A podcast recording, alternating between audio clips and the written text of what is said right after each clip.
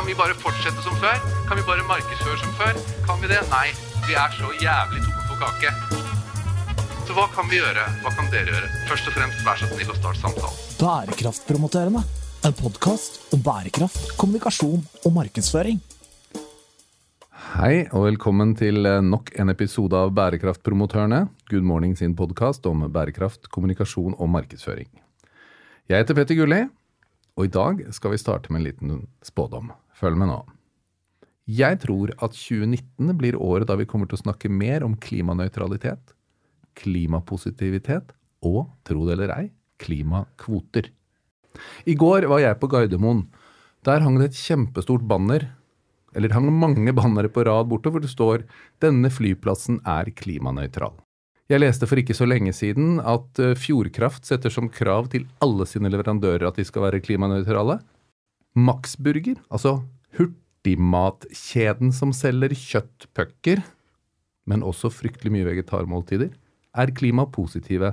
Det betyr at de offsetter mer, og hva betyr offsetter, det skal vi snakke om etterpå, men det betyr at de bidrar til å fjerne mer CO2, eller at det hindrer at det slippes ut mer CO2 enn de selv lager. Mer enn det. Og i dag sitter jeg her med Martine Kveim og Celine Marie Moe fra Choose. Choose er en norsk startup som er rosa, selv om de driver med miljø. Ble nominert blant topp ti i Extreme Tech Challenge i 2018, som selv sier at de er verdens største tech-konkurranse, og ble samtidig kåret til Norges til beste nordiske startup. De har også uh, vunnet Katapult Startup her hjemme. Det er riktig, er det ikke det?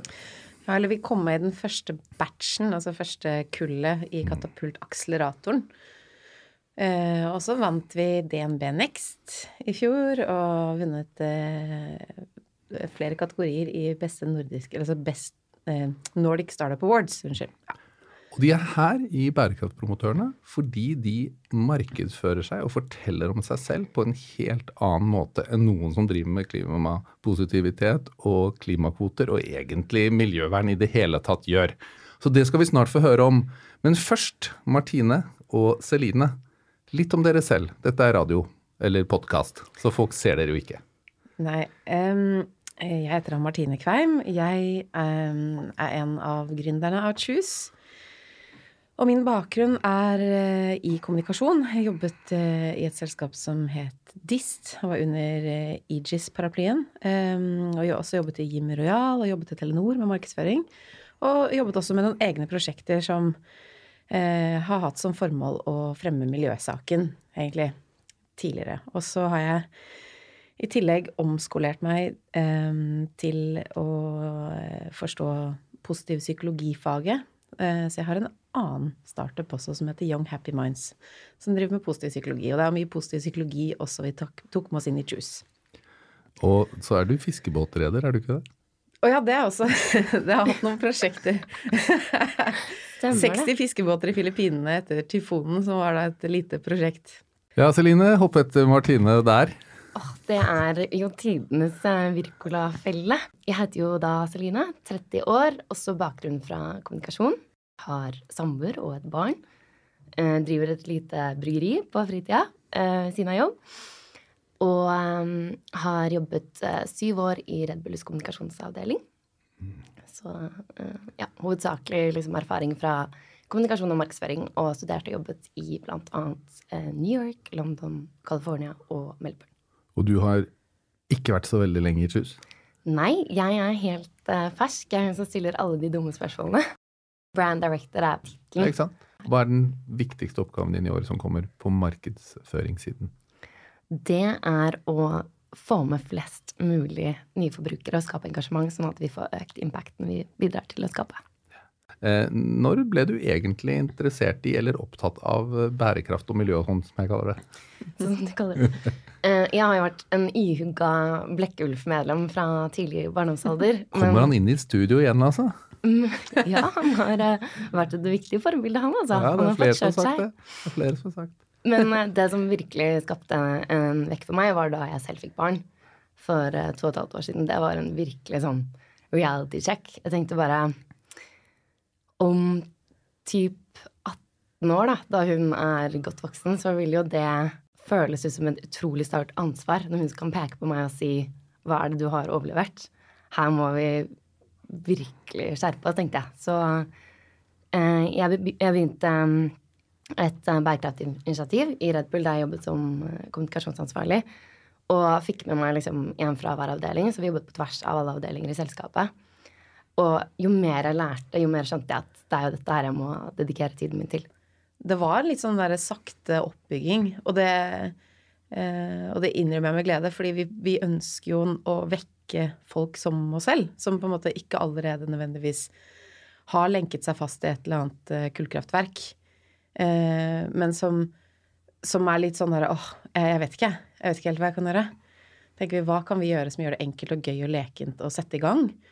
Og så mm, er jo vi veldig opptatt av at eh, eh, det er bare starten. Det er veldig mye du kan gjøre, men at du må begynne et sted. Men, men dere, jeg vet at det er en historie. Det er et bord på Lorry. Ja, Ja. Altså det hele startet med dette bordet på Lorry.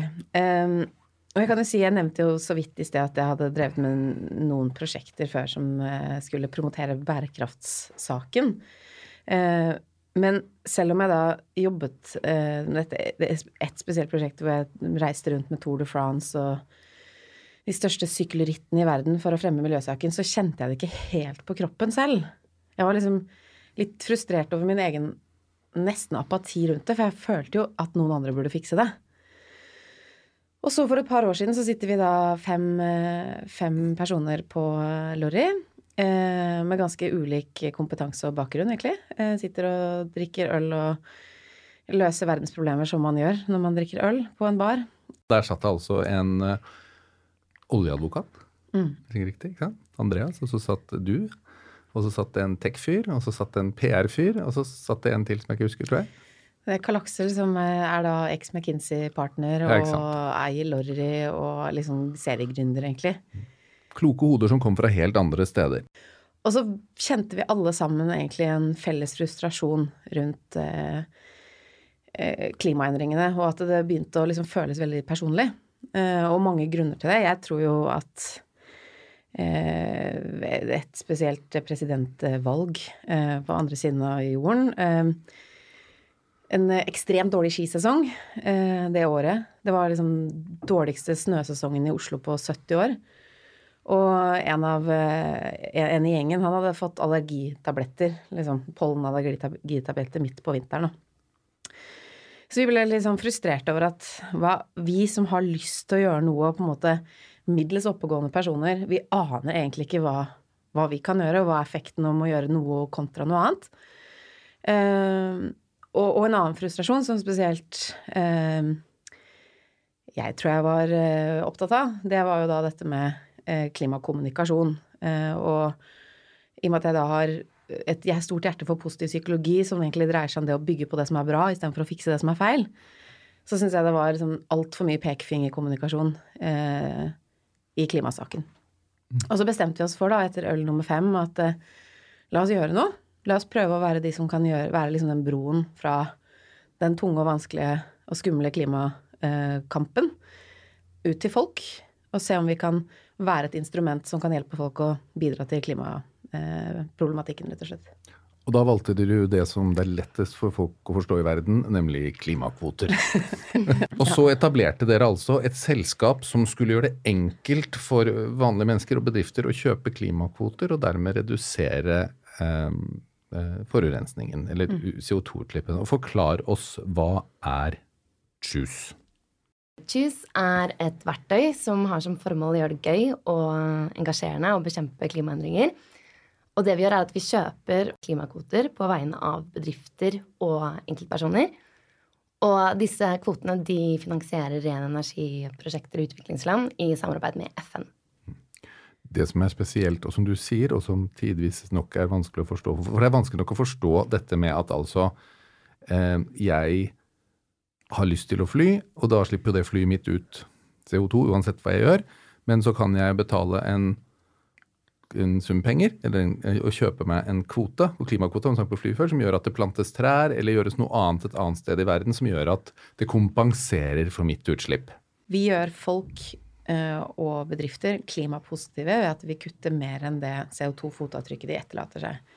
For uansett om du aldri flyr eller aldri kjører bil eller ikke spiser kjøtt eller resirkulerer absolutt alt, eh, så er det umulig å slette hele ditt fotavtrykk. Så vi kan på en måte kompensere for resten. Og sammen med bedrifter. Altså vi ønsker jo ikke å være et, et uh, istedenfor-produkt. Altså vi ønsker jo å engasjere bedrifter til å kutte på et lokalt nivå. Men du kan ikke eh, kutte alt på en gang. Det går ikke. Sånn at dette her er da et tilleggs, på en en tilleggstjeneste. Selv om vi er rosa og gøy og lekne på utsiden, så er det ganske tungt materie eh, på baksiden. Og Hele kvotemarkedet er kjempestort, kjempekomplisert.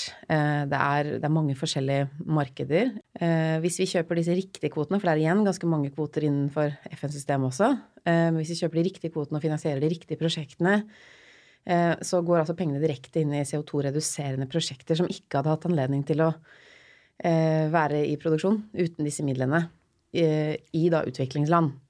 Og de er også sertifisert av um, WWFs uh, South Poles uh, Gold Standard-kvoter og FN. Vent litt. Dere fikk en telefon fra FN, dere? Vi trodde det var bølleringing. og de ringte oss i fjor sommer og ville samarbeide med oss. Fordi vi da hadde vært uh, de som uh, visstnok hadde kjøpt uh, og slettet flest kvoter fra deres plattform i historien.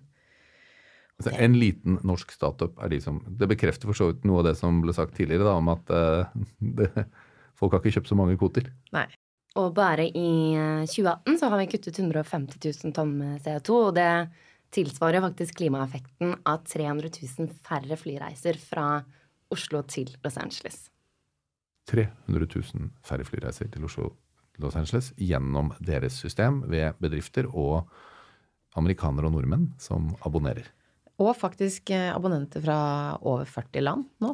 Ja, akkurat. For dere er til stede i, med Operational i USA og Norge, ja. men over 40 land allerede. Mm. Kjempebra. Vi ser en kjempe, kjempevekst i både Sverige og Danmark spesielt, men også Tyskland og Australia, ikke minst. Mm -hmm. Altså, jeg har jo vært på noen nettsider til folk som driver med klimakvoter, og det ser jo ikke helt ut som deres. Dere, men, men, dere gjør det samme. Dere er rosa, og dere har, eh, nett, dere har rosa merch. Dere har rosa ballonger, rosa nettside, svarte tegneseriemonster. Altså Dere ser jo, som jeg sa i sted, ikke helt ut som de andre. Og jeg elsker jo kategoribrudd. men det er det eneste viktige i verden når du skal drive med kommunikasjon, så er det å, å bryte kategorien. Og det, det er, og det er jo veldig gøy. Og, da, men, og der så er det sånn i den konteksten skal vi snakke om etterpå litt om, om hva dere gjorde og hvorfor, men, men, også hvem er målgruppen deres da? Dere, det, det, virker jo ikke som det er de vanlige folka. Tanken er jo at um, veldig, mye som, um, veldig mye av kommunikasjonen som har dreid seg rundt klima, har handlet om noe, litt av det Martine var innom i stad. Uh, det har vært mye moral og pekefinger, og veldig mye har vært preget av å være litt sånn green and grumpy, som vi liker å si. Mm. så hele tanken er jo å prøve å snu dette til noe som er litt mer pink enn positiv. Eh, og vi tror det er mye mer engasjerende å være lekne og invitere folk inn enn å skulle peke denne fingeren og, og liksom eh, peke på forbrukeren. Eh, nå vet vi også at det er 100 selskaper alene som står for 71% av alt eh, globalt eh, utslipp. Og dette har jo skjedd så å si kun i løpet av de siste 30 årene. Og fellesnevneren for disse 100 selskapene er at de driver med fossilt eh, brennstoff. Eh, og det vi vet er løsningen, er jo å peke fingeren litt tilbake på disse selskapene. Være litt sånn rosa bølte langfinger som engasjerer majoriteten og får folk med seg. Og da tror vi det er mye mer gøy å kunne være litt mer eh, rosa og lekne. Strategien vår sånn sett er vel egentlig B2B2C. Um, at uh, størsteparten av våre uh, inntekter i dag kommer fra bedriftsmarkedet. Mm. Uh, og da er det som partnerskap, uh, enten at de gjør de ansatte klimapositive som en ansatt gode, eller at de gir Vi har noen sånne morsomme plantbare sertifikater som da plantes i jorden, og så blir det til blomster, som kutter et års forbruk, da, som kan gis i julegave, f.eks. Til ansatte, eller at du, du kan bøndle med produkter og tjenester osv. Så, videre, og så, videre. så det er, det er liksom forskjellige ting vi gjør med bedrifter. Um, og vi tror at um, for det første så er jo også bedriftslederne opptatt av å nå den yngre generasjonen. Da vi, sta, altså da vi på en måte formet brandet eh, Choose, så, så, var det ikke sånn helt tilfeldig at vi brukte rosa. Det var liksom en spesifi spesifikk rosafarge som heter millennial pink. Oi!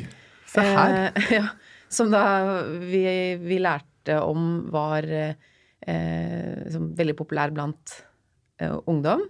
Uh, unge mennesker. Jeg vet at millennials er jo liksom hele verden akkurat nå, eller alle under 35, så det er jo en veldig stor målgruppe. Men at unge mennesker spesifikt ser på denne rosafargen som noe som er litt ballsy. Gutter og jenter kan gå med den.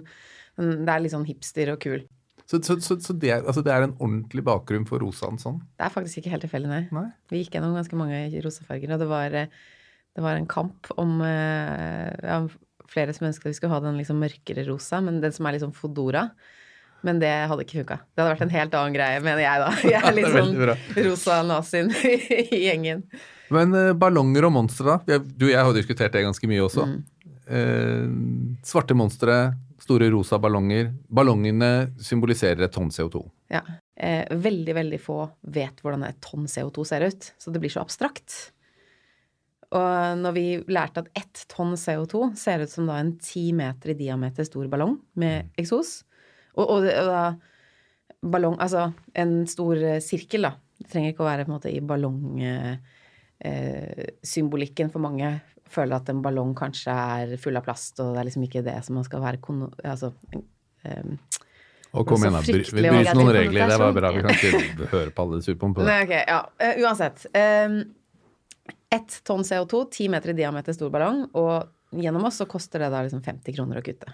Og det, bruker, det, sier jo litt. Og de ballongene bruker jo dere på eventer når kunder av dere som uh, type Get og, og, andre har hatt eh, eventer for ansatte og andre, så henger det så store ballonger oppe og viser det. Jeg tror det er en ny sånn en ny sånn markedsførings... Uh, det var et fryktelig ord, da. Du snakket om vanskelige ord i sted. Markedsføringsgjeng. Men altså, jeg, jeg oppdaget begrepet greenfluencers her for en liten stund siden.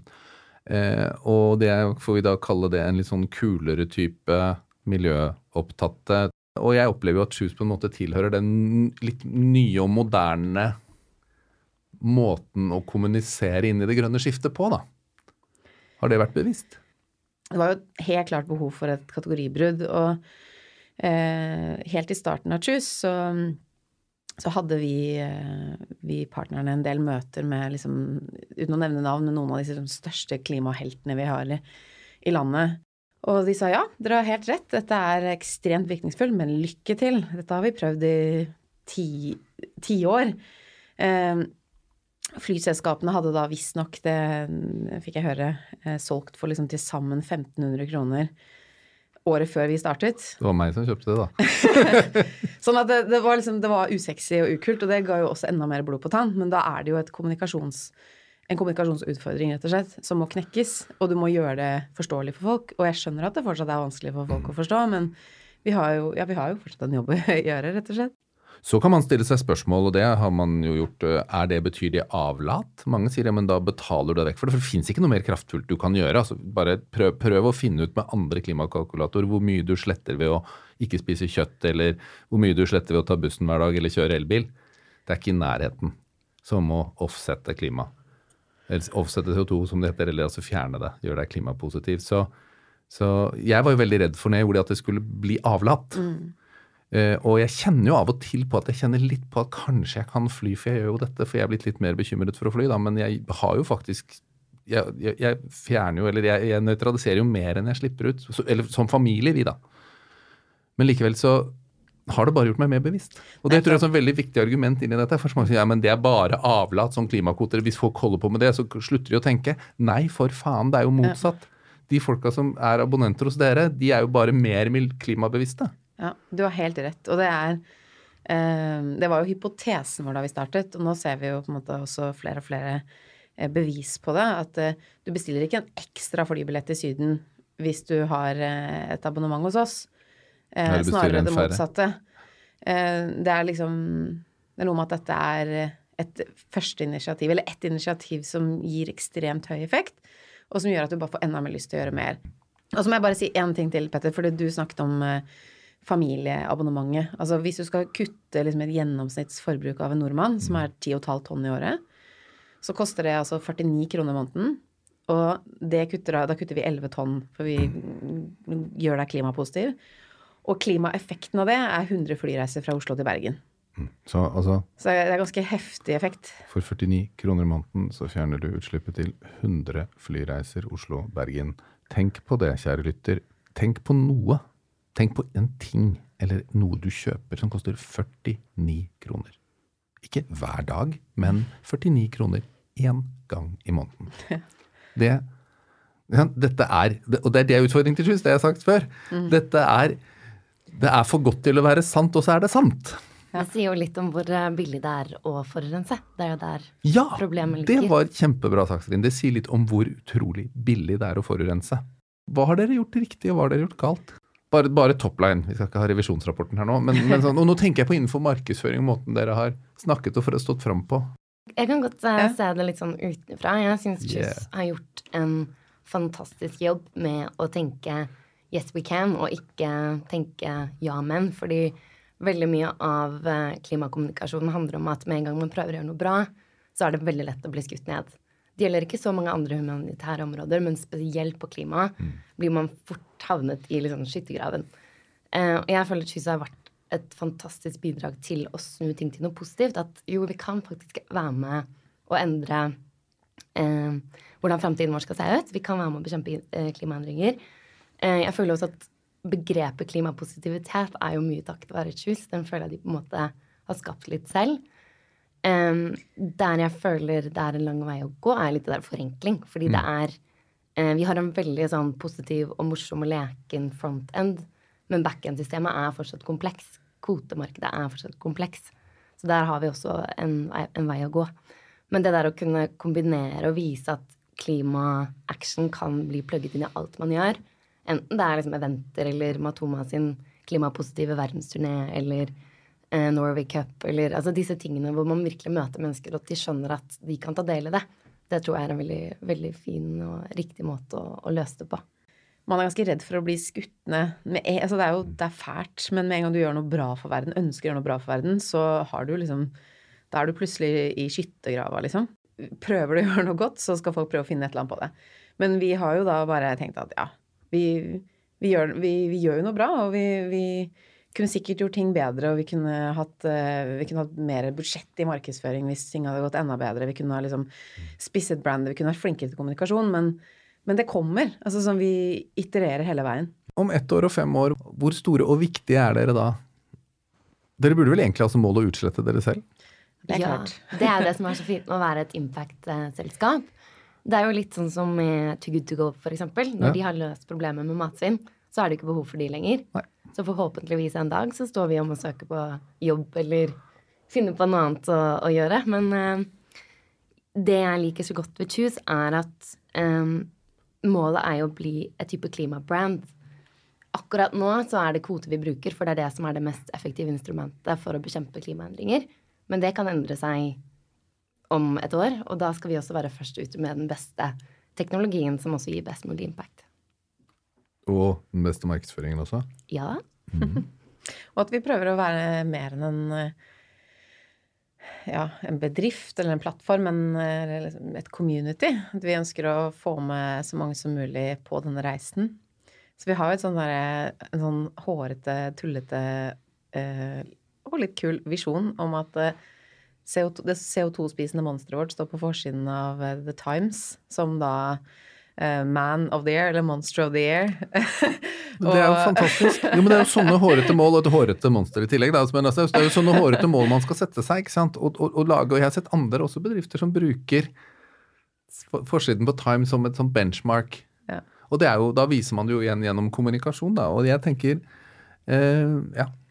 Men da, men da er det altså How the Monster and Friends Save the World. Det er ikke, det er ikke choose i seg selv. Det er liksom hvordan vi ble et instrument for å samle folk, da. Og, og dere skal jo vokse, håper jeg, veldig. Jeg tror dere det blir vanskelig å holde på den lekenheten for, fordi når verden etter hvert blir mer seriøs? Altså, for- når man blir større, så kommer det flere mennesker inn som ikke har vært med på den. Altså, ikke sant? Dere skjønner hva jeg mener? Det er et veldig viktig poeng, altså, Petter. Men jeg tror hvis du Hvis vi er flinke til å huske på det utgangspunktet, da, og nå er vi jo også i en, i en situasjon akkurat nå hvor vi driver og definerer eh, virkelig kommunikasjonsplattformen vår, Mm. um, at vi kan ha den eh, som en bibel i framtiden når det kommer eh, flere om bord. Vi skal fortsatt leke og ha det gøy, ellers så slutter vi. Hvilken rolle tror dere merkevarer og næringsliv kan spille i å få folk med i det grønne skiftet, ut, utover det å kan du si, lage mer bærekraftige produkter? Eh, hvordan har, har bedrifter en mulighet til å få med seg folk i det grønne skiftet på, når politikerne egentlig ikke klarer å få det til? Det var veldig ledende spørsmål. Eh, der mener jeg at svaret er absolutt. Altså, ting er jo at eh, FNs bærekraftsmål er på en måte et veiledende verktøy for å kunne bidra til å, nå, å nå målene innen 2030. Men jeg tror folk glemmer hele det innovasjonspotensialet og konkurransefortrinnet det har å satse på bærekraft. Og der føler jeg at eh, USA ligger veldig langt framme i forhold til oss. Der har man jo på en måte ikke et politisk system som fungerer like godt. Man, man stiller mye mer krav til merkevaren, at de skal ta et ansvar og en rolle. Eh, og der savner jeg egentlig litt mer punch altså, fra norske merkevarer. Det Celine sier er viktig, og jeg tror at merkevarer som, som tar eh, ikke, bare, eh, ikke ansvar, men som forstår hva som skjer i det grønne skiftet, og ser mulighetene til å få konkurransefortrinn, de kommer til å bli framtidens vinnere. For det, det kommer noen helt nye muligheter nå. Eh, samtidig så mener jeg da eh, også kanskje at det er et, et moral, altså et merkevarer som er gode på bærekraft, de som har kommet dit, og som har har, har ting på stell og, og faktisk kanskje til og med fått konkurransefortrinn på det, har en moralsk forpliktelse til å bidra også. Vi har faktisk selv satt i gang en, en kampanje nå i forbindelse med eh, Oslo som miljøhovedstad, eh, hvor vi har som mål å kutte mer enn det årlige CO2-kuttmålet som Oslo har satt seg. Um, eh, sammen med små og større bedrifter. Så vi liksom har laget en pakke som gjør det enkelt for bedrifter å slenge seg på, og at da er målet å gjøre Oslo til verdens første klimapositive by. Altså kutte mer enn det CO2-kuttmålet som Oslo har satt seg. Og vi totalt sett eh, har kuttet 150 000 tonn nå, cirka. Og det er omtrent det årlige klimakuttmålet. Eh, sammen med da mindre og større bedrifter. Og det gir jo selvfølgelig kjempemersmak for disse bedriftene å se at herregud, nå har vi kuttet 1% av Oslos klimakuttmål. 2% 3% 5% Vi gjorde det i julegave også. Da ble det 10% Altså, du har lyst til å liksom legge på. Og da får det den samme effekten som vi snakket om i sted, med at eh, du gjør noe som du føler har en stor effekt, og så har du lyst til å gjøre mer. Ja, ikke sant? En positiv forsterkning. Ja. Som er positiv psykologi, som vi, som vi startet med. Ja. Veldig bra. Um, Good Morning har laget en kommunikasjonstrapp som handler om fire trinn som du eh, bør tenke gjennom og være helt sikker på at du har gjort riktig før du starter å kommunisere bærekraft. Det siste, og det trinnet heter du må ikke framstå som en sint miljøverner, men en dynamisk merkevare som er framtidsoptimist. Og da skal jeg spørre dere om det, selv om vi har snakket så mye om klimapositivitet at jeg vet svaret. Men innerst inne, helt innerst inne, med én baby ute og én i ovnen der, er dere framtidsoptimister? Ja, selvfølgelig. Det er vi. Det er jo det vi jobber med hver eneste dag. Og vi må jo også tenke at eh, det har skjedd fryktelig mye i løpet av de siste to årene.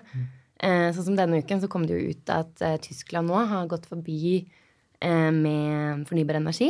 Gått forbi i forhold til kull, kullkraftproduksjon. Og det var det jo ingen som trodde for to år siden. Men ting skjer, og problemet er bare at ikke det skjer fort nok. Og det er der vi kommer inn og prøver å akselerere det grønne skiftet. Ved å nettopp gi disse produsentene av fornybar energi et konkurransefortrinn. Ja, og det, og det er liksom Fra vi startet, så ser vi også en enorm endring der ute. At eh, folk eh, bryr seg på en helt annen måte. Eh, at det er lettere å få Altså at vi vinner priser i startup-konkurranser, eller konkurranser som absolutt ikke har noe med Altså det det er ikke noe impact vertikaler. Det er, det er egentlig liksom Du kan drive med hva som helst. Men allikevel så har vi vunnet fordi at disse, denne juryen som sitter der, har lyst til å velge noe som også har en effekt for verden. Da. Det er ikke noe vits i å gå rundt og, og være grønn og grinte og tenke at ting ikke går bra. La oss eh, heller inspirere med positivitet og muligheter og lidenskap og, og håp. Og det var så fantastisk sagt at da dropper jeg min første siste replikk og sier takk for i dag. Vi høres snart igjen. Takk For i dag. Takk for i dag.